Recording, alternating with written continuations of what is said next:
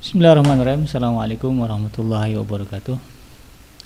Alhamdulillahirrahmanirrahim. Allahumma salli ala Sayyidina Muhammad wa ala ali Sayyidina Muhammad amma ba'd. Alhamdulillah kembali berjumpa di udara di gelombang 104 AM Dream Radio Successful Muslim Family bersama saya BKJ yang akan menemani Anda di kesempatan kali ini dalam program rutin kita yaitu ngaji from home di mana kita akan mendengarkan uraian dan ulasan dari guru kita terkait dengan tema-tema keagamaan yang seperti biasa ya eh, disampaikan oleh guru kita Ustaz Abdullah Haidar LC dan insya Allah pada hari ini uh, beliau akan mengangkat tema tentang uh, masjid uh, keutamaan dan uh, kedudukan masjid dan keutamaan memakmurkannya. Ini adalah tema yang penting sekaligus juga memotivasi kita untuk bagaimana uh, apa namanya tinggal dan memakmurkan masjid-masjid yang uh, berada di sekitar tempat kita uh, berada. Karena memang uh, masjid ya sebagaimana yang kita ketahui dari mulai dulu ya Rasulullah SAW uh, berhijrah ke Madinah uh, merupakan pusat ya uh, pergerakan dan kegiatan umat Islam. Dan bagi Anda sahabat Adrim Radio yang nanti akan e, berdiskusi atau bertanya kepada guru kita terkait dengan tema e, kita pada hari ini, Anda bisa menyampaikan pertanyaan.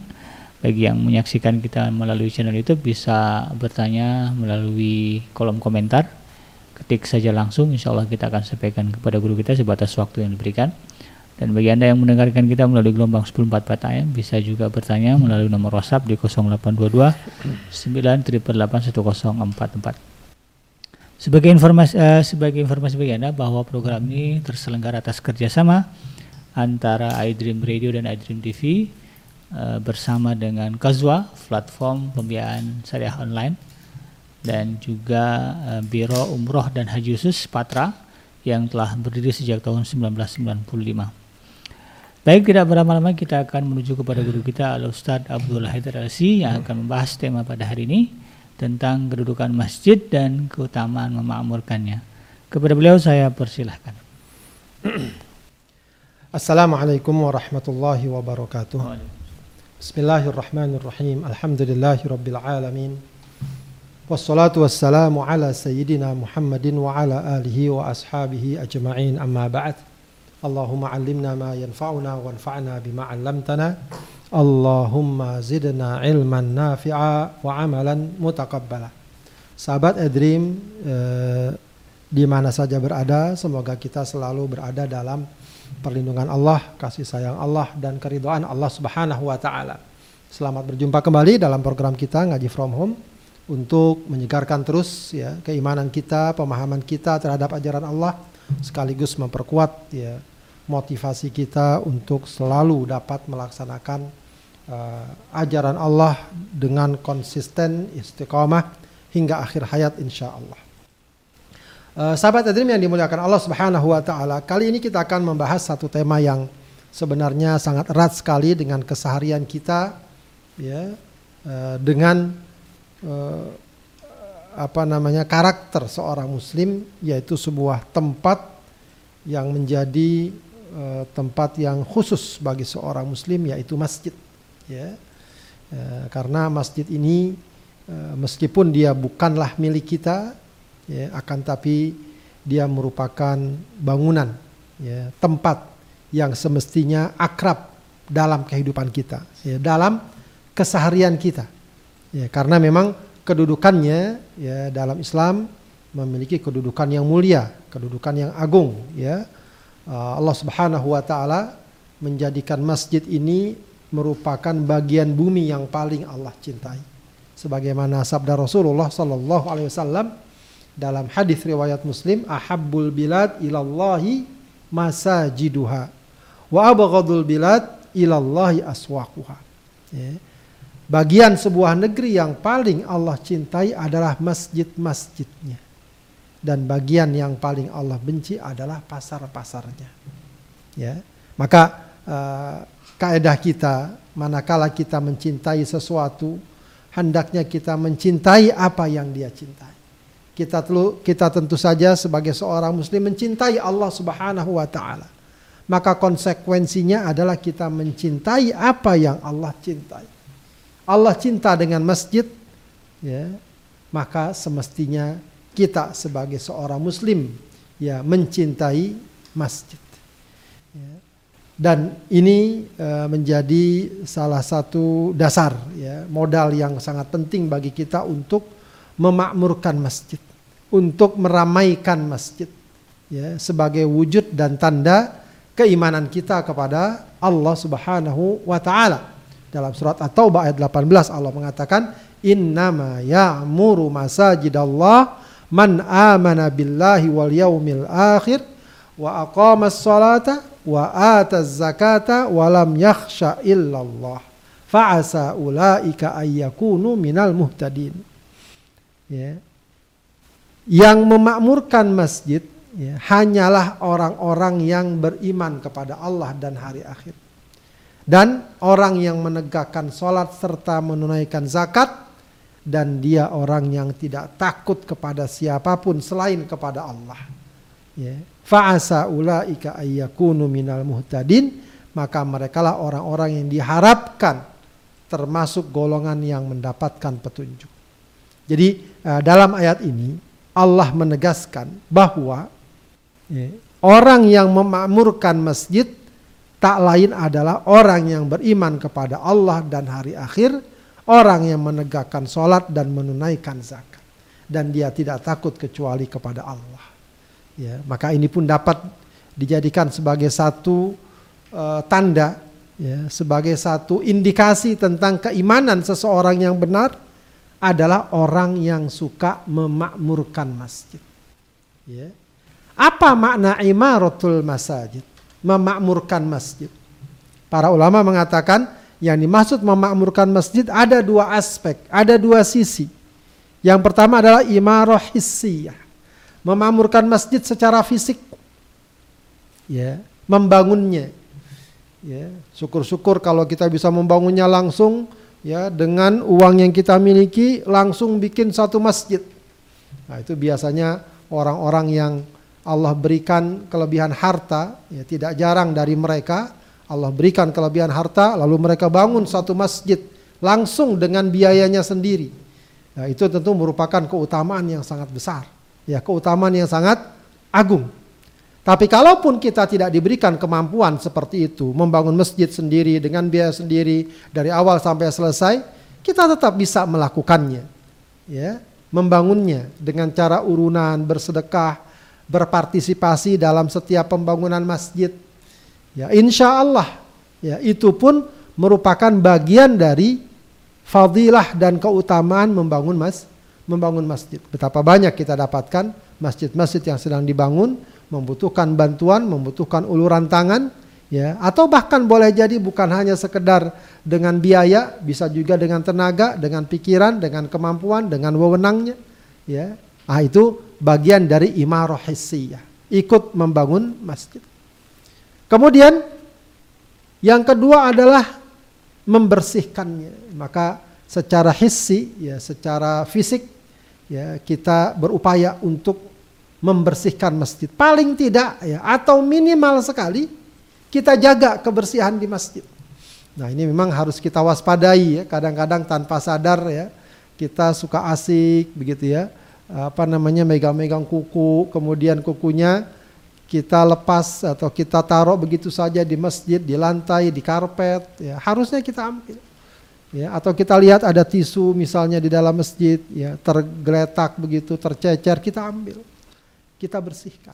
Setidaknya, ya walaupun mungkin di sana ada merbotnya, ada tukang bersihnya, setidaknya kita menjaga kebersihan mas, masjid. Kalaupun misalnya ada satu acara sehingga mungkin kita makan di masjid, minum di masjid, usahakan ya jaga kebersihannya. Ya kalau ada makanan yang jatuh kita ambil kita bersihkan. Itu bagian dari upaya menjaga kebersihan mas masjid.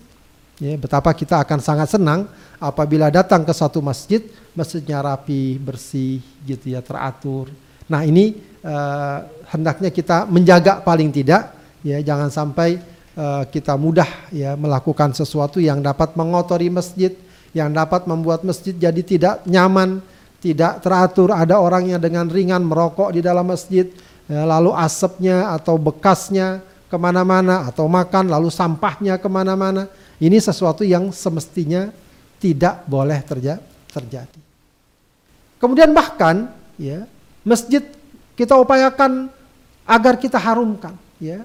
Para ulama ada yang mengajarkan agar kita juga ikut mengharumkan masjid, mungkin dikasih wewangian, dikasih parfum ya itu sesuatu yang bagus ya.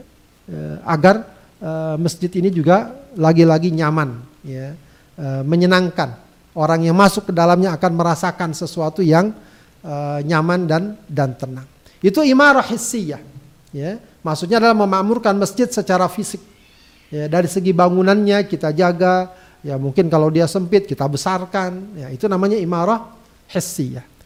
Ada lagi masjid imarah ma'nawiyah ya, membersih meramaikannya secara maknawi. Ya.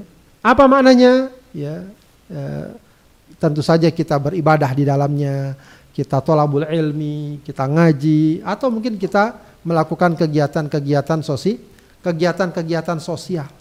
Ya kegiatan-kegiatan sosial. Nanti akan kita bahas terkait dengan fungsi mas fungsi masjid. Kemudian uh, sahabat Adim yang dimuliakan Allah Subhanahu wa taala ya, tak lupa di sini ada satu hadis yang sangat dikenal ya, yang mungkin penting kita ulang-ulang ya bukan sekedar agar kita hafal atau kita tahu tapi bagaimana dia hendaknya menjadi karakter dalam diri kita. Ya, yaitu yang Rasulullah gambarkan terkait dengan tujuh orang yang akan mendapatkan naungan Allah di saat tidak ada naungan selain naungan Allah. Siapa mereka? Di antaranya rojulun kolbuhu muallakum fil masajid seseorang yang hatinya terpaut dengan masjid. Ini uh, ini bukan lagi sekedar kita suka ke masjid, tapi hati kita sudah terpaut ke masjid. Sudah senang ke masjid. Ke masjid bagi kita bukan lagi merupakan beban. Ya karena disuruh, karena dipantau, karena diabsen tidak. Bagi seorang muslim, masjid itu adalah ya kalau bahasa uh, anak mudanya jadi tambatan hatinya. Ya, rasanya kalau udah sekian hari nggak ke masjid atau sekian waktu tidak ke masjid, ada sesuatu yang hilang dalam dalam hidupnya. Kalau dia pergi ke mana atau ke mana, maka yang paling pertama dia cari adalah masjid. Kenapa? Rojulun kolbuhu mu'allakum bil masjid. Orang yang hatinya udah bergantung dengan masjid. Inilah yang insya Allah akan mendapatkan naungan Allah dari tujuh golongan. Ya, di saat tidak ada naungan selain naungan Allah pada hari kia pada hari kiamat. Ya, ini e, merupakan peringatan bagi kita agar jangan sampai kita asing dengan masjid dan masjid asing dengan kita. Ya, jarang-jarang datang ke masjid, ke masjid hanya sekedar sholat Jumat saja atau bahkan ada yang ke masjid waktu sholat Id saja. Ya, jangan sampai ya dikatakan oleh orang yang bijak begitu ya. Jangan sampai kita jarang ke masjid, sekalinya ke masjid kita dalam kondisi disolat Ya. Sekalinya ke masjid, kita dalam kondisi sudah digotong orang sebagai sebagai jenazah. Nah, ini tentu sesuatu yang sangat tidak diharapkan. Justru orang mukmin, seorang muslim ya, adalah orang yang mestinya dekat dengan masjid. Ya, eh, baik dia sebagai jamaah sholatnya, apalagi kalau seandainya dia ikut terlibat dalam kepengurusannya atau minimal aktif berpartisipasi dalam berbagai kegiatan-kegiatan masjid yang tentu saja positif. Ya, jadi jangan sampai dia mengatakan saya bukan DKM maka dia nggak peduli dengan masjid. Ya, atau saya bukanlah ustadz, bukanlah kiai, dia nggak peduli dengan masjid. Tidak. Kepedulian dengan masjid mestinya merupakan kepedulian setiap orang beri, setiap orang beriman.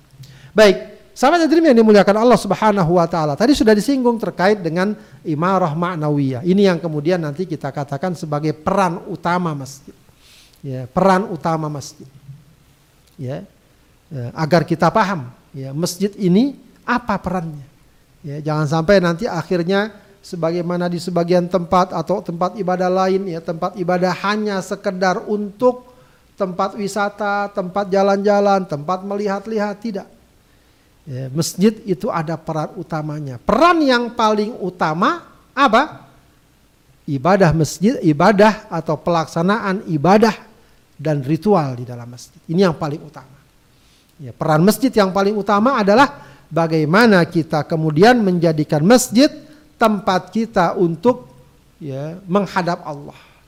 Untuk menghamba kepada Allah khususnya dengan ibadah dengan ibadah sholat dan ibadah-ibadah lainnya tilawah, zikrullah dan seterusnya. Ini yang penting. Ya, jangan sampai masjid kehilangan fungsi utamanya.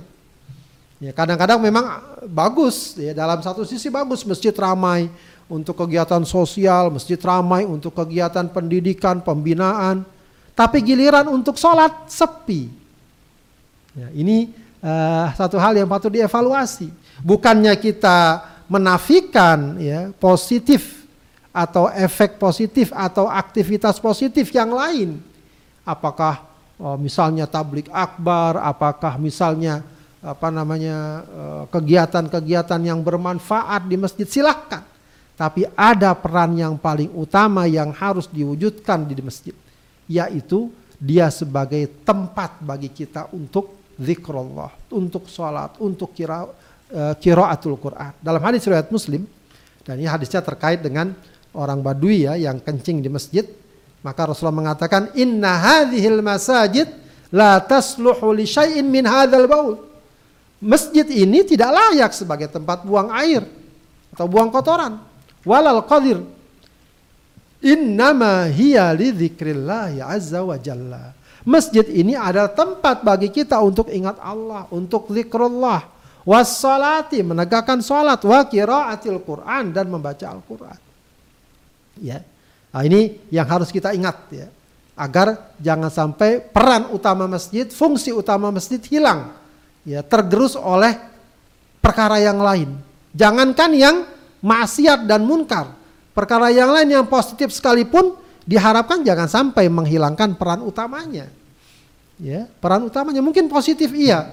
Bagus kita kumpul di masjid, kita bicarakan masalah-masalah sosial iya. Tapi untuk pelaksanaan ibadah dan ritual eh, harus menjadi priori prioritas, ya, harus menjadi prioritas. Baik, eh, peran Utama masjid yang lain apa? Peran pendidikan dan dakwah. Masjid adalah ya, sarana yang sangat efektif, yang sangat bagus untuk mendidik, membina umat, memberikan pengarahan, memberikan penyuluhan masjid. Ya, ini juga hendaknya ada. Kita bangun. Ya, kalau ada di sekitar uh, rumah kita ada masjid, selama ini udah bagus ya aktivitas ibadahnya, sholat lima waktu bagus, tapi nggak ada apa-apa lagi selain itu. Nah kita coba bicarakan. Ini bagaimana nih kalau seandainya kita tingkatkan. Ya mungkin sekali waktu habis sholat ada kultum misalnya. Ya, atau kita mengundang seseorang untuk menyampaikan pengajian. Nah itu peran pendidikan.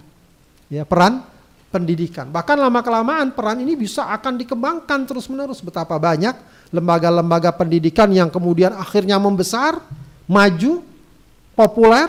Awalnya Berawal dari masjid. Awalnya berawal dari dari masjid, dari mungkin uh, pendidikan, pengajaran satu orang, dua orang, lama-lama berkembang dan berkem, berkembang. Dan mestinya begitu. Ya, mestinya begitu. Ya.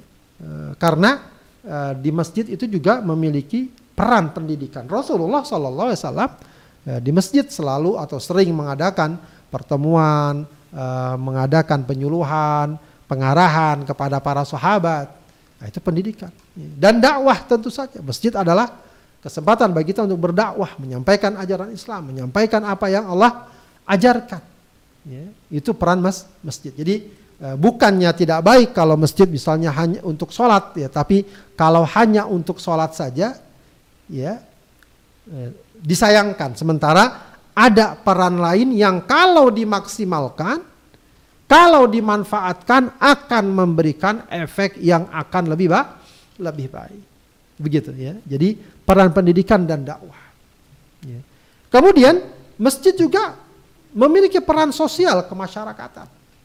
Ya, peran sosial kemasyarakatan. Ya. ya. Ini juga uh, satu hal yang tidak bisa diabaikan dari masjid sebab salah satu fungsi masjid memang adalah membangun komunikasi sosial ya dengan ke masjid kita sama-sama ke masjid dengan tetangga saling kenal saling bertegur sapa saling berinteraksi ya itu peran sosial ke masyarakat Ya, makanya di antara gambaran betapa besarnya kedudukan masjid ini adalah saat Rasulullah SAW hijrah dari Mekah ke Madinah, setiba di Madinah, apa yang beliau bangun? Apakah beliau bangun rumahnya, istananya, benteng yang kuat? Tidak. Yang dibangun adalah masjid. Bangunan yang pertama kali beliau bangun, bahkan sebelum dia membangun rumahnya, adalah masjid. Ini sebenarnya memberikan sebuah gambaran yang sangat kuat ya. Betapa masjid dalam kehidupan bermasyarakat itu, apalagi maksudnya adalah masyarakat muslim, dia merupakan perkara yang sangat sentral, merupakan perkara yang sangat mendasar. Ya.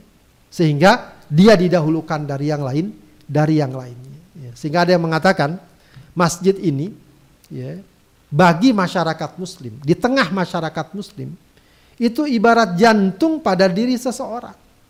Kalau jantungnya sehat, berdegup, berdegup ya, beraktivitas normal, ya, bahkan apa namanya aktivitasnya bagus, insya Allah tubuh kita akan se akan sehat, akan bagus. Tapi kalau jantungnya sakit, lemah, tak berdaya, ya geraknya pun tidak kelihatan, maka fisik pun akan ikut ya terkena imbasnya, menjadi lemah, mungkin sakit-sakitan, ya dan seterusnya. Nah begitulah masyarakat Muslim. Kalau di sana ada masjid berarti dia punya jantung. Tinggal bagaimana masjid itu dimakmurkan, diramaikan. Kalau betul-betul masjid itu ramai maka ibarat jantung yang sehat, efeknya pun akan memberikan efek di tengah masyarakat kebaikan dan kemanfaat dan kemanfaatan. Maka masjid punya peran sosial kemasyarakatan yang bagus. Itu sebenarnya sesuatu yang aksiomatis ya.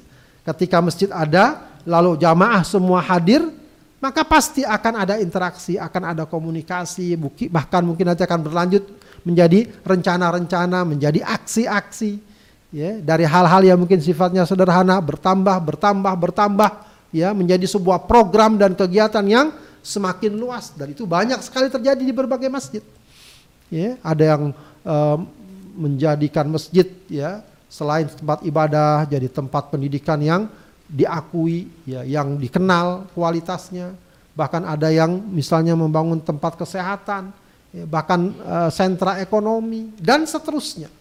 Jadi masjid ini memang punya peran sosial kemasyarakatan yang yang tinggi ya. Kalau bahkan dalam sejarah bangsa kita atau bangsa-bangsa yang lainnya, ya keberadaan masjid itu selalu uh, sentral.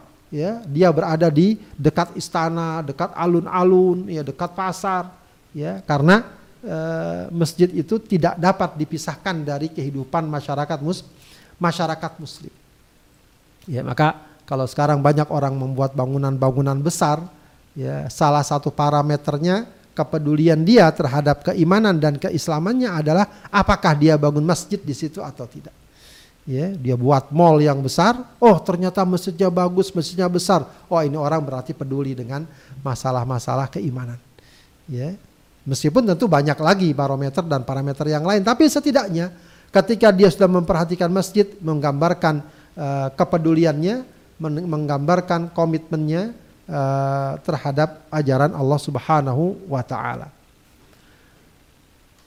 Uh, kemudian sahabat tadi yang dimuliakan Allah Subhanahu wa taala, ya, masjid ya, ini sesungguhnya juga bukan sekedar ya tempat kita sholat, tempat kita ibadah, tapi yang juga sangat besar nilainya, masjid ini tempat kita membangun karakter, karakter seorang muslim, ya, yang seharusnya kita miliki, kita tumbuhkan, kita suburkan, kita jaga, ya, dan itu perannya dapat dilakukan oleh masjid.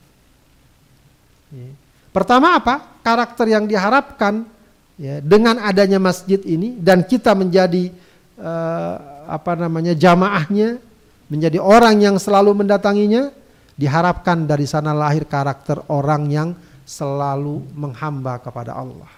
Ya, sebab biasanya orang kalau ke masjid tidak ada yang dia pikirkan kecuali beribadah kepada Allah, bermunajat kepada Allah, bahkan mungkin di sela-sela kesibukannya di sela-sela segala problematika yang e, menghantuinya ketika dia masuk ke masjid maka yang dia ingat adalah Allah dia mohon kepada Allah dia bersandar kepada Allah dia kembali kepada Allah. Ya, maka masjid ini sangat sangat bermanfaat, sangat berguna dalam rangka mengham, membentuk karakter orang yang menghamba kepada Allah Subhanahu wa taala. Kemudian masjid ini juga ya memberikan ketenangan jiwa. Ya, orang biasanya kalau masuk masjid beda dengan orang masuk pasar. Ya, masuk pasar mungkin akan tergambar ya syahwat duniawi, pengen ini, pengen itu dan lain sebagainya. Tapi masuk masjid akan membuat jiwa tenang. Ya, akan membuat jiwa nyaman dengan suasana yang lengang, ya dengan uh, suara-suara Al-Qur'an ya dengarkan dan seterusnya. Ya, maka ketika ketika orang dekat dengan masjid itu sebenarnya ada satu karakter yang dibangun yaitu ketenangan jiwa. Ya, dan pada zaman sekarang ya di tengah kehidupan materialistik di tengah kehidupan hedon, ya, ingin mewah, ingin senang-senang dan seterusnya, banyak orang yang mencari ketenangan namun tidak dia dapatkan dengan itu semua.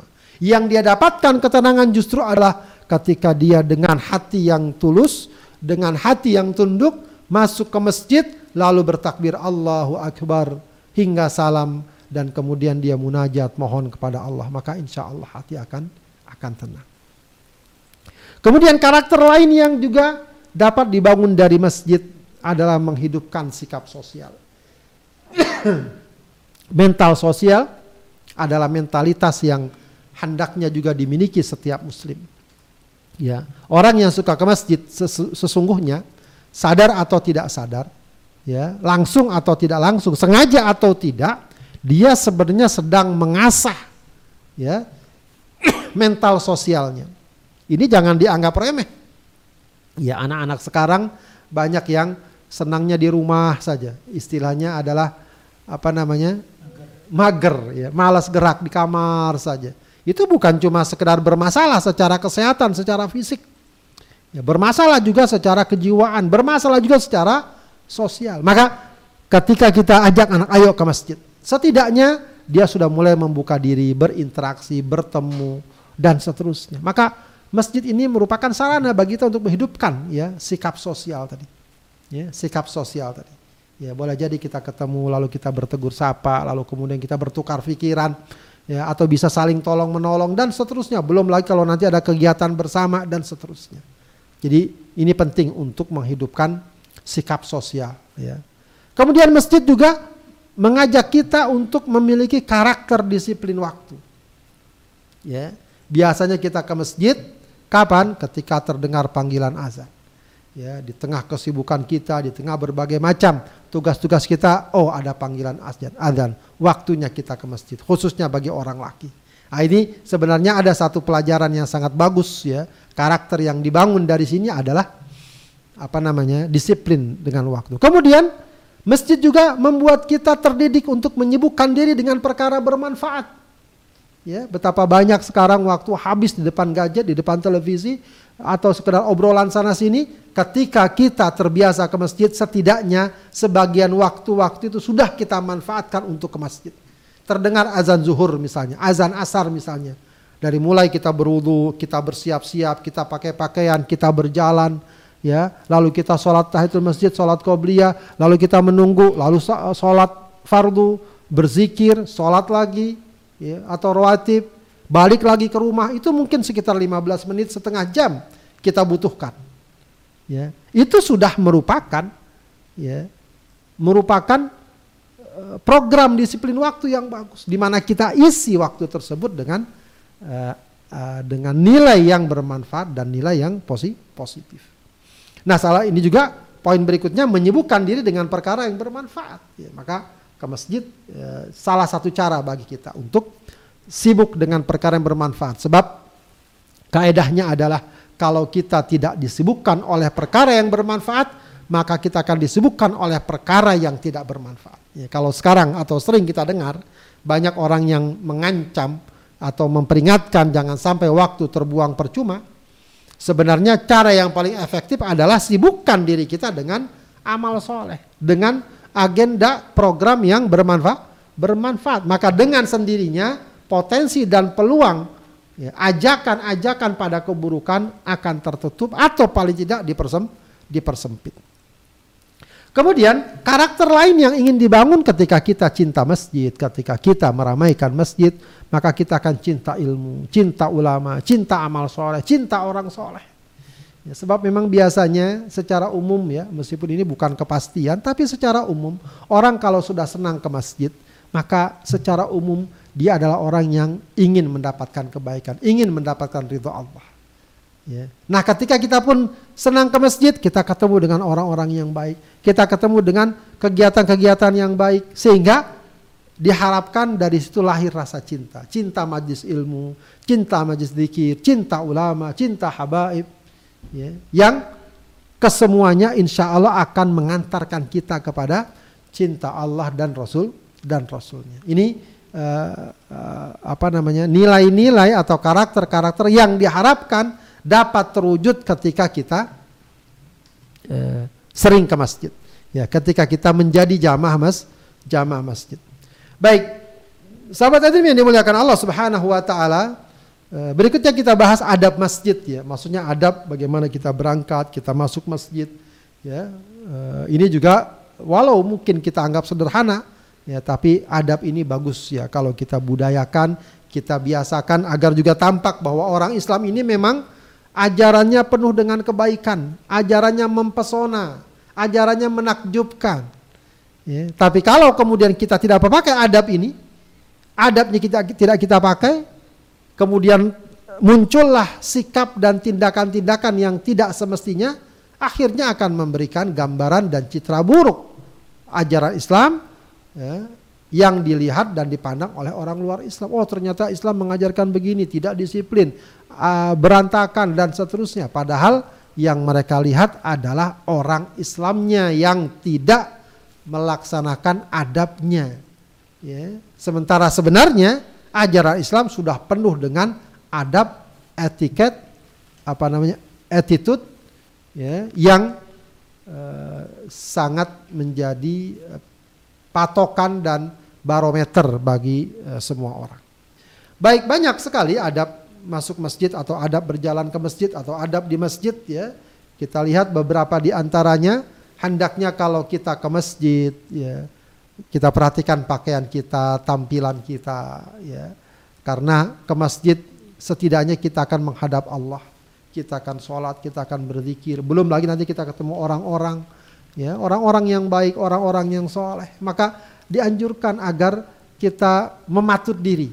Jangan asal-asalan pakai kaos yang sudah sobek, begitu ya, yang lusuh, celana yang dekil, yang kumal, ya, yang sudah sekian hari dipakai tidak diganti. Ya, ini uh, patut kita pertimbangkan. Ya, Allah Subhanahu wa taala mengatakan dalam surat Al-A'raf ayat 31, "Ya bani Adam, khudhu zinatakum inda kulli masjid wa kulu washrabu wa la tusrifu innahu la yuhibbul musrifin. Wahai anak Adam, ambillah perhiasan kalian apabila kalian mau ke masjid. Ya. Para ulama sebagainya menafsirkan ini adalah menutup aurat. Ya, menutup aurat dianggap sebagai menghias diri kita. Tapi juga makna secara umum adalah bagaimana agar kalau kita ke masjid kita jaga penampilan kita kita mematut diri. Tidak mengapa kita ngaca, walau dia orang laki tidak masalah. Ngaca dulu lah siapa tahu ada sesuatu yang tidak layak di muka kita. Siapa tahu mungkin PC kita miring dan seterusnya. Baju kita mungkin lecak atau ada noda atau ada apa. Begitu ya. Tidak mengapa. Ya, jangan sampai kita baru hanya e, mementingkan hal tersebut kalau mau kondangan, kalau mau ketemu atasan dan seterusnya. Padahal kita ke masjid ingin berjumpa dengan Allah Subhanahu wa taala. Ya, maka paling tidak eh, kita pakai baju yang bersih. Ya, kalaupun mungkin bukan baju baru tapi tidak kotor, tidak bau, ya, eh, tidak dekil, ya, dan seterus dan seterusnya pakailah minyak wangi, ya, parfum setiap kita ke masjid pakai. Ya. Oh, tadi kan udah pakai, pakai lagi setiap waktu sudah hilang parfumnya. Ya, coba saja kita pikirkan ketika kita sholat kiri kanan kita wangi, harum parfumnya. Akankah membuat kita menjadi nyaman? Iya, pasti. Bandingkan kalau ternyata kiri kanan kita, ya maaf ya, bau asem, bau keringat dan seterusnya. Ya, maka kita pun berusaha begitu. Ketika kita berpenampilan rapi, wangi, harum, Maka selain bahwa itu memang dianjurkan dan disunnahkan, ya orang-orang pun akan merasakan oh enak ya nyaman ya, kiri kanannya wangi dan seterusnya. Kemudian perhatikan aroma tubuh dan pakaian. Ini juga mungkin lanjutan dari bab tadi ya. Jadi pakaian kita perhatikan ya, eh, kelayakannya, bagusnya, jangan yang sudah bolong-bolong, jangan pakaian yang ada gambarnya, tulisannya sehingga dapat mengganggu kekhusyuan dan seterusnya. Bukan hanya itu. Kalau bisa ya kita jaga aroma tubuh kita, pakaian kita. Perhatikan. Ya mungkin belum mandi jadi bau misalnya. Ya, kalau Rasulullah yang ingatkan apa? Man akalal basol wasaum wal kurroth fala yakrobanna masjidana fa innal malaikata tata'adza mimma yata'adza minhu banu adam. Ya, siapa yang makan bawang, bawang merah, wasaum, bawang putih, wal kurroth, ya, daun bawang, fala yakrobanna masjidana. Jangan dekati masjid kami. Dilarang oleh Rasulullah. Ini juga maknanya bukan sekedar masalah bawang dan bawang putih. Ya, tapi sesuatu yang dapat memberikan aroma yang tidak baik dan tidak sedap baik dari mulut kita, dari tubuh kita, dari pakaian kita. Ya. Kita perhatikan dulu. Kita perhati, perhatikan. Bagus e, kalau kita misalnya kalau memang ada uh, tugas harian, kita bawa sarung, kita bawa baju ganti. Kalau kita sholat, kita ganti. Khususnya kalau pekerjaan kita memang mungkin pekerjaan outdoor ya, di luar. Mungkin juga ya mungkin terkait dengan hal-hal yang kurang bagi kurang nyaman gitu ya kotor misalnya apakah di sampah di uh, pembangunan jalan dan semacamnya ya maka ketika itu dari rumah kita sudah siapkan semua. Kalau waktu sholat nanti kita pakai sarung, ya baju yang kerja tadi kita ganti dengan baju khusus kita untuk sholat. Nah itu sebagai sebuah upaya ya, agar uh, kita lebih baik lagi. Khususnya kalau kita ke masjid maksudnya. Ya, sebab kita akan berinteraksi dengan orang lain. Kemudian ada lagi satu adab yang sangat bagus kita biasakan, yaitu kalau ke masjid berjalan kaki. Nah ini yang kadang-kadang pada zaman sekarang orang sudah kadung senang naik motor, ya, naik kendaraan e, bermotor. Ya, bahkan ini ada satu survei yang yang apa ya yang e, boleh jadi menjadi kritik atau introspeksi kita bahwa bangsa kita warga Indonesia ini terkenal orang yang males jalan kaki, ya, senangnya berkendara, ya dia pergi beli bakso misalnya padahal jaraknya cuma sekitar 500 meter.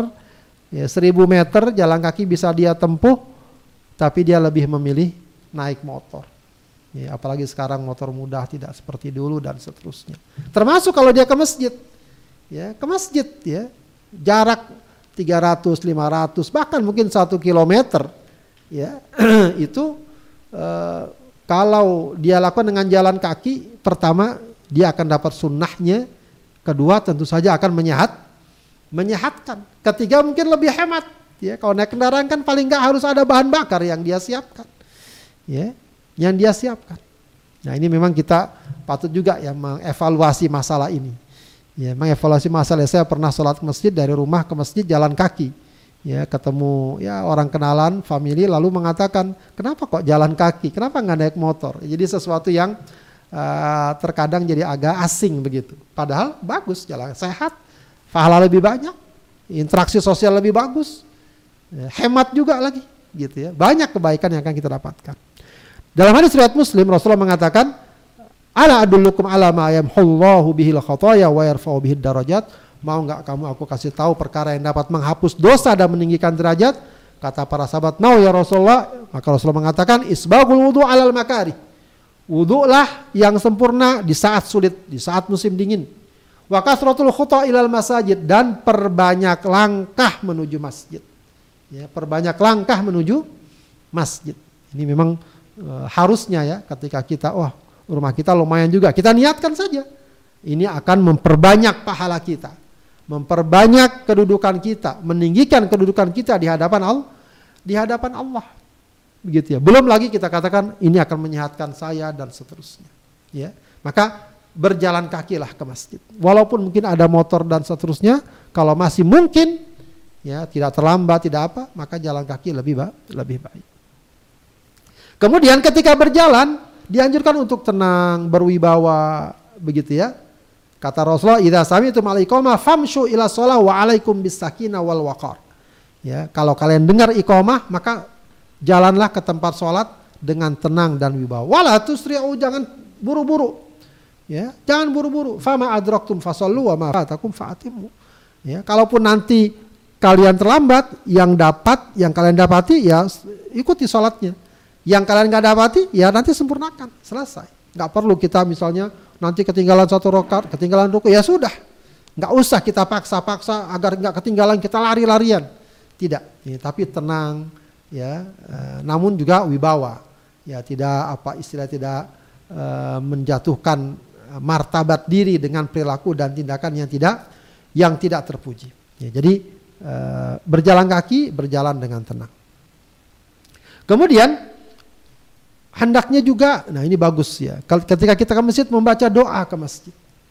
Jadi Selain kita doa keluar rumah, Bismillah, tawakkaltu Allah. Ketika kita mau ke masjid, ada doa yang bagus yang Rasul ajarkan. Meskipun memang doa ini dikaitkan dengan sholat subuh ya.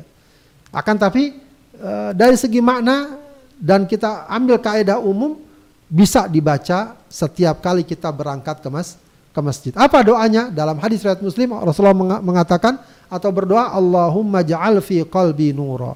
Ya Allah jadikan Eh, dalam hatiku cahaya. Wa fi lisani nura. Dalam lisanku cahaya. Waj'al fi sam'i nura. Dalam pendengaranku cahaya. Waj'al fi basari nura. Penglihatanku ada cahayanya.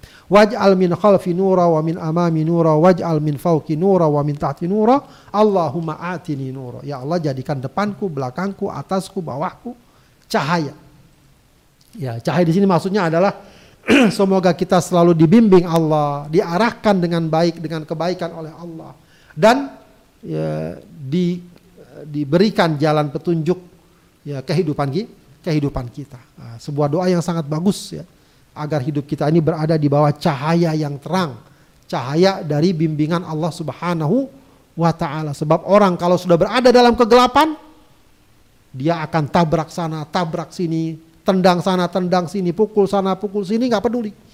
Ya, kalau bahasa kita sekarang nggak peduli halal haram, nggak peduli boleh atau tidak, Allah ridho atau tidak, dia lakukan semaunya. Nah, itu orang yang tidak hidup di dalam cahaya, dalam kegelapan. Tapi kalau orang hidup di tengah di dalam cahaya, dia tahu oh ini buruk, oh ini jelek, oh ini tercela, maka dia tinggalkan. Oh ini baik, oh ini Allah ridhoi, maka dia lakukan. Itulah gambaran orang yang hidup dalam cahaya. Maka jangan lupa juga ya kita berdoa setiap kita ke masjid, Allahumma ij'al fi qalbi nura wa fi lisani nura waj'al fi sam'i nura waj'al fi basari nura waj'al min khalfi nura wa min amami nura waj'al min fawqi nura wa min tahti nura wa atini Allahumma atini nura. Begitu ya. Kemudian nanti masuk ke masjid ya. Sampai masjid ketika masuknya juga uh, berdoa lagi, berzikir dan berdoa. Ya Eh, dalam hadis riwayat Muslim Rasulullah mengatakan idza dakhala ahadukum al masjid falyusallim ala nabi sallallahu alaihi wasallam. Kalau kalian masuk masjid baca salawat pada nabi. Salam kepada nabi. Allahumma sholli ala Muhammad wa ala ali Muhammad. Lalu baca lagi apa? Allahumma ftahli abwaaba rahmat. Jadi kalau masuk masjid refleks, usahakan refleks. Baca salawat Allahumma sholli ala Muhammad. Kemudian Allahumma ftahli abwaaba rahmatik. Nanti ketika keluar, ketika keluar, baca lagi salawat. Allahumma sholli ala Muhammad Lalu apa bacanya? Allahumma inni as'aluka min fadli. Ya Allah aku mohon karuniamu. Doa yang sangat bagus juga untuk kita kita baca. Kemudian kita masuk masjid sudah, kita baca doanya. Lalu apa yang kita lakukan? Hendaknya ketika kita masuk masjid, pertama yang kita lakukan adalah sholat. Ini disebut nanti dengan tahiyatul masjid. Ya. Maksudnya adalah apa? Penghormatan terhadap masjid adalah ketika kita masuk pertama kali maka kita melakukan sholat. Ya. Jadi ini merupakan bentuk penghormatan kita kepada masjid. Ya. Nah sholatnya apa? Kalau tidak ada ketentuan sholat tertentu, baik terkait dengan sebab atau waktu tertentu, kita bisa sholat tahiyatul masjid. Ya. Kita niatkan sholat tahiyatul masjid. Tapi kalau pas berbarengan dengan misalnya waktu duha lalu kita sholat duha, eh, sholat rawatib, misalnya datang setelah azan subuh, ya lalu kita masuk ke masjid, ya lalu kita sholat rawatib, sholat qobliyah subuh. Atau sholat fardu, kita masuk ke masjid sudah sholat fardu, berarti ikut kita sholat fardu. Nah, itu sholat-sholat tersebut dengan sendirinya sudah dianggap sebagai tahiyatul masjid. Jadi sudah include, ya, sudah dianggap sebagai uh, bagian dari menghormati dan mengagungkan mas masjid yaitu dengan ibadah sholat. Ya. Sebab disebut oleh para ulama sholat tahiyatul masjid ini bukan bukan sholat yang mustakil atau disebut ghair mustakil. Dia tidak berdiri sendiri, dia diikutkan dengan satu uh, amalan ya karena dia masuk masjid maka hendaknya sholat. Nah sholat apa saja dengan sendirinya dapat dianggap sebagai tahiyatul mas masjid. Jadi seseorang ketika masuk masjid ah, lalu ada sholat sunnah rawatib dia nggak perlu dua kali sholat. Pertama sholat tahiyatul masjid lalu sholat sunnah rawatibnya. Ya, tapi cukup dia sholat sunnah rawatib qobliyah, maka dengan sendirinya itu sudah dianggap sebagai tahiyatul masjid. Ada lagi satu perkara yang memang diingatkan oleh Rasulullah SAW, yaitu jangan berjual beli di masjid. Kata Rasulullah, "Idza ra'aitum man yabi' aw yabta' fil masjid, faqulu la arbahallahu tijaratak." Jika engkau melihat ada orang yang berjualan atau membeli sesuatu di masjid, maka katakan kepadanya la arbahallahu tijaratak. Allah tidak akan memberikan keuntungan perdaganganmu. Ya, rawahu Abu Dawud. Ya ini uh, dipahami oleh para ulama sebagai larangan berjual beli di masjid. Di masjid yang dimaksud di sini adalah masjid yang menjadi bangunan utamanya. Adapun halamannya insya Allah tidak mengapa. Tidak mengapa.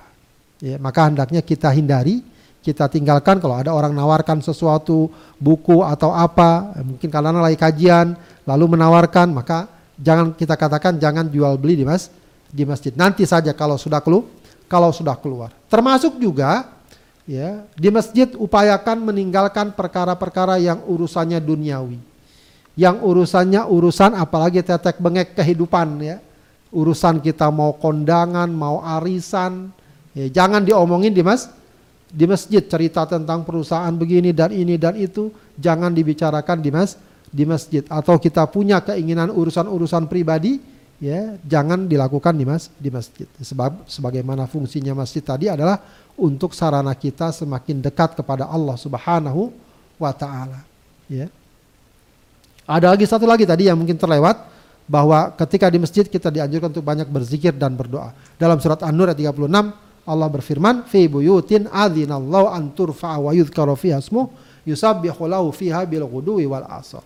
Ya di rumah-rumah Allah Subhanahu wa taala Allah izinkan untuk ya, apa namanya diangkat suaranya atau uh, diangkat amalnya wa yudhkara fiha ismuh dan juga disebutkan namanya yusabbihu lahu fiha kemudian orang bertasbih ya mengagungkan Allah Subhanahu wa taala bil ghudwi wal asal baik pagi hari maupun sore hari. Ya ini juga merupakan isyarat agar kalau kita berada di masjid maka gunakan peluang yang ada untuk berdoa dan berzikir kepada Allah Subhanahu wa taala. Demikian sahabat hadirin sekalian eh, pembahasan tentang masjid ya, kedudukan dan bagaimana kita memakmurkannya. Mudah-mudahan kita sebagai muslim siapa pun kita walau bukan ustadz, walau bukan kiai, walau bukan santri sebagai muslim hendaknya kita akrab dengan masjid, hati kita bergantung dengan masjid. Setiap hari minimal paling tidak ya kita lima kali ke masjid, ya lima kali ke masjid dengan sholat-sholat fardu kita khususnya bagi orang laki, ya bagi orang bagi orang laki. Itu artinya hendaknya kita memang uh, dekat dengan masjid dan memakmurkan masjid sebagaimana yang Allah ingin inginkan. Wallahu a'lam bishawab. Demikian sahabat dan yang dirahmati Allah, bahasan dari guru kita terkait dengan tema kedudukan masjid dan keutamaan memakmurkannya. Mudah-mudahan apa yang disampaikan jadi bisa dipahami dan menjadi ilmu. Dan untuk melengkapi uh, pembahasan terkait dengan tema ini ada beberapa hal yang akan saya coba uh, tanya kepada guru kita. Dan bagi anda sahabat Adrian Radio yang ingin bertanya silakan. Bisa bertanya di nomor WhatsApp di 0822 atau yang menyaksikan kita melalui channel YouTube bisa langsung menulis pertanyaan di kolom komentar. Baik Ustaz, ini terkait dengan uh, uh, fungsi masjid yang disebutkan Rasulullah tadi untuk berzikir, sholat dan apa tadi hadis yang satu lagi saya lupa. Uh, ini uh, di, di ditujukan kepada laki dan perempuan atau laki-laki saja karena kan kita tahu ada sebahagian hmm. Eh, pendapat yang menyebutkan sebaik-baik uh, sholatnya perempuan itu di rumah gitu kan yeah. atau di ruangan yang paling yang paling tertutup Nah, kira-kira kalau di, dihubungkan dengan hadis tadi yang Rasulullah mengatakan bahwa masjid ini tempat zikir dan sholat, apakah kaum perempuan juga punya hak? Nah, gitu Ustaz. Hmm. Nah, tapi di satu sisi ada larangan tadi, bukan larangan, ya. katakan ada pembahasan mengenai itu. Kira-kira gimana Ustaz? Ya, ya, memang yang ada bukan larangan, nah. tapi uh, penjelasan dari Rasulullah SAW bahwa uh, tempat sholat yang paling utama bagi wanita adalah rumah-rumah. Bahkan disebutkan fi qa'ri buyutiha ya di bagian terdalam dari rumah. Begitu ya. Tapi jangan lupa ada juga hadis Rasulullah SAW mengatakan la tamna'u ima Allah masajid Allah ya jangan kalian larang kaum wanita untuk pergi ke masjid Allah ya, iya berarti permasalahannya tinggal dijaga keseimbangannya maksudnya adalah memang secara spesifik anjuran untuk sering datang ke masjid apalagi sholat berjamaah itu arahnya kepada laki-laki. Kepada laki-laki. Kepada laki-laki. Wanita secara khusus tidak ditekankan untuk hal itu. Ya, tapi kalau dia ingin bisa jadi mungkin dia butuh katakanlah suasana berbeda berbeda ya atau pengen dengar ada pengajian atau dia pengen ya sholat di masjid mungkin juga dengan mendengarkan imam dia lebih lebih terdorong lebih termotivasi kalau dia ingin melakukan hal itu tidak mengapa. Ya, tidak mengapa dan jangan dilarang. Kecuali wallahu alam kalau sampai dia meninggalkan kewajiban-kewajibannya. Misalnya ada anak kecil yang harus dia jaga dan seterusnya ya. Hmm. Kalau tidak bagus saja ya. Tapi memang uh, arahan-arahan secara spesifik untuk meramaikan masjid secara umum adalah kepada laki-laki. Ya, kepada laki-laki uh, tuntutan untuk sholat berjamaah dan seterusnya berlaku bagi laki-laki. Ya. Tapi sekali lagi jika wanita, kaum wanita ingin ikut walau mungkin tidak dengan frekuensi dan tensi yang sama dengan kaum laki-laki, dia tidak dilarang. Dan Rasulullah bahkan mengatakan jangan dilarang, jangan dilarang. Ya, selagi misalnya tidak ada fitnah, tidak meninggalkan kewajiban, tidak menyebabkan hal-hal yang buruk misalnya, tidak ada masalah, ya sudah. Berarti dia berhak untuk ikut meramaikan masjid Allah Subhanahu wa taala. jadi ini tidak perlu jadi perdebatan lah gitu ya. Eh, kadang-kadang ini jadi ramai juga di masyarakat kita. Baik Ustaz. Uh, berikutnya terkait dengan uh, ini Ustaz uh, kadang kan masjid itu uh, imamnya beda mazhab nih Ustaz. Uh, dengan makmumnya atau dengan kita lah katakan ada yang uh, kalau nggak kunut subuh deh nggak nggak abdul rasanya gitu kan. Sementara masjidnya katakanlah begitu imamnya nggak kunut. Nah ini bagaimana menyikapi hal ini Ustaz? ya ya memang uh, tidak dipungkiri ya adanya perbedaan madhab atau perbedaan uh, pilihan ya dalam uh, beberapa praktek ibadah ya atau disebut dengan istilah masalah furu'iyah hmm. ya khususnya dalam sholat karena memang sholat berjamaah menuntut makmum menuntut makmum untuk ikut imam, ya, untuk ikut imam. Nah ini memang ada satu hadis yang menjadi kaedah dalam hal ini. Innama ju'ilal imamu liu bih. Imam itu ditetapkan untuk diikuti. Jika perkaranya adalah perkara-perkara yang uh, apa uh, di sana ada ijtihad yang diakui ya kalau bahasa fikihnya namanya uh, ijtihad mu'tabarah ya atau apa namanya uh, ikhtilaf mu'tabarah ya. Uh, maksudnya perbedaannya itu diakui secara ilmiah karena masing-masing ada pandangannya, ada argumentasinya. Ya, bukan ikhtilaf yang sifatnya prinsip. Misalnya satu mengatakan wajib sholat atau enggak wajib sholat itu prinsip, hmm. nggak bisa ikhtilaf kayak gitu. Ya, harus kita mengambil pendapat atau pandangan yang menjadi kesepakatan para ulama, misalnya tentang wajibnya sholat.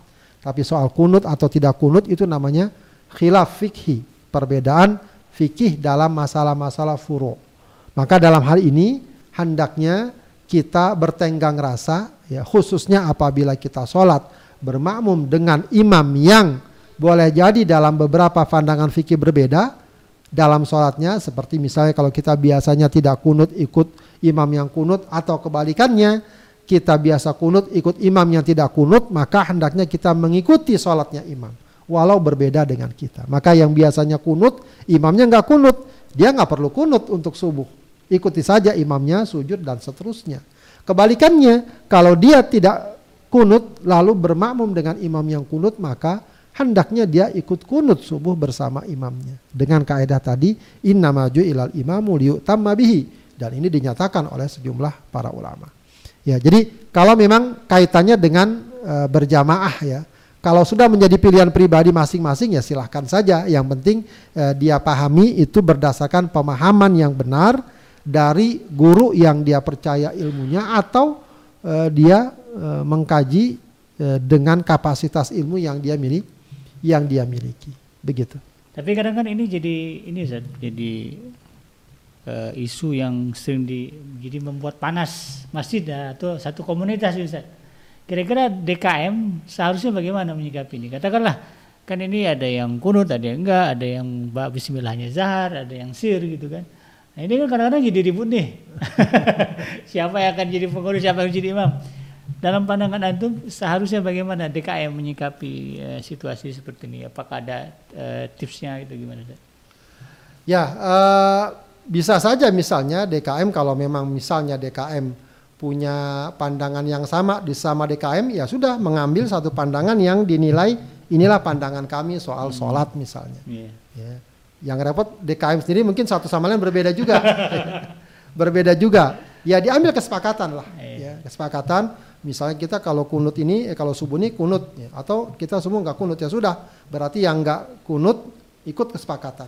Ya, yang penting ikut kesepakatan bersa bersama. Begitu ya. Misalnya atau juga udahlah kita merujuk ke seorang ustadz, kita tanya dia bagaimana uh, keputusan ini, kata ustadznya begini ya sudah. Ya dengan dalil-dalil yang bisa di pertanggungjawabkan sudah ini ikut walaupun nanti ada yang berbeda maka yang berbeda hendaknya beradaptasi paling tidak dengan uh, pengamalan yang berbeda. Sebab untuk mencari kesamaan pada semua orang itu tidak mungkin. Hmm. ya atau agar kita sama semua tidak mungkin. Perbedaan itu pasti ya. pasti ada ya. Jadi sepanjang perbedaan itu ada referensinya ada argumentasinya apalagi bagi kita orang awam ya kita nggak bisa mengatakan oh ini dalilnya ini. Tidak ya. Tapi paling nggak kita melihat oh ternyata memang ada ulama yang menyatakan demikian, ada ulama yang berbeda pendapat demikian, gitu ya. Jadi pertama disepakati dulu di karangan internal DKM sudah kita sepakat dengan ini, sudah kita uh, jadikan ini sebagai satu patokan dalam beribadah. Begitu ya. Nanti jamaah diharapkan untuk beradaptasi kalaupun mungkin ada di antara jamaah yang tidak setuju secara fikih pandangannya, paling tidak dia memahami bahwa ini memang bagian perbedaan pendapat dan uh, semestinya dia mengikuti uh, program dan kegiatan yang yang ada. Hmm. Begitu ya. Baik, baik. Soalnya itu pernah juga saya di Aceh apa di mana? Makmum sampai nggak ikut jamaah pada karena beda imam itu tadi. Ya, ya ini memang satu hal yang uh, ya semestinya tidak terjadi iya. hal-hal iya. seperti itu. Ya, uh, sebab uh, itu bukan hanya terjadi sekarang, dahulu pun sudah terjadi hmm. dan para ulama cukup tolerir untuk memperlihat untuk menyikapi masalah-masalah seperti seperti iya. ini. Ustaz, Ustaz ini untuk uh, larangan jual beli termasuk jual beli online berarti ya? Jual beli? Online. Uh, online ya, misal di masjid dia jual beli. Iya, Gak sengaja kan bu. Oh, ada tawaran. gitu. Wah ada yang beli ini. Nggak iya. ada suara, cuma tangan main. Nah, kira-kira gimana? Duit nggak ada, barang nggak ada kan ya? Iya. Wallahu alam lebih baik ditinggalkan betul, masuk dalam praktek jual beli. Ya, yang harusnya ditinggalkan paling tidak itu lebih hati-hati. Hmm. Saya belum lihat fatwa dari para ulama ya, tapi paling enggak sebagai kehati-hatian itu uh, dihindari ya kalau ada misalnya di uh, di dalam masjid ya, namanya juga lagi dia pedagang hmm. apalagi pedagang online banyak masuk permintaan iya. ya maka ketika masuk masjid bagusnya sudah dia jangan buka-buka HP lagi ya dia apa paketnya dia putusin dulu sudah nanti di luar selesai keluar masjid baru dia buka. Sebab kalau masih dibuka biasanya godaannya sangat sangat besar. Ya betul juga itu ya eh, termasuk jual beli online ya. Ya ini hati-hati juga ya jangan sampai kita terjebak pada hal ini. Sebab kalau ini dibuka wah bisa juga jadi orang malah ke masjid sekalian duduk ngadem Amin. banyak transaksi. gitu. Iya baik-baik. Terakhir Ustaz, nah ini terkait dengan uh, kegiatan politik Ustaz, di masjid. Nah ini dalam pandangan antum seperti apa kira-kira?